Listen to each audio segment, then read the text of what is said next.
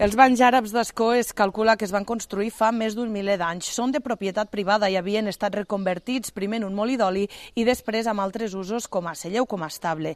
És una troballa destacada tenint en compte que a Catalunya només es conserven els banys àrabs de Tortosa i n'hi ha una vintena més a tot l'estat espanyol. Felip Fucho és un dels dos historiadors que ha fet la descoberta. I vull pensar que ficaran fil a l'agulla donada la transcendència, no sols pel poble, sinó per Catalunya, eh, i si m'apureu, inclús per la resta del territori nacional, perquè de banys a nivell del territori nacional n'hi ha uns 25 de conservats, i dels 25 de conservats, uns 10 o 12 que estiguen tan sants com estan els d'Escó.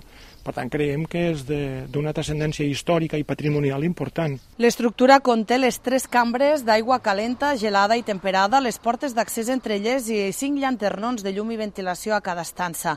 Els historiadors buscaven un molí antic que havia estat documentat a tocar dels banys sarraïns. Ara s'ha comunicat la troballa al Departament de Cultura i s'ha presentat al municipi i a l'Ajuntament i es confia que s'hi pugui intervenir i netejar-los per fer-los visitables.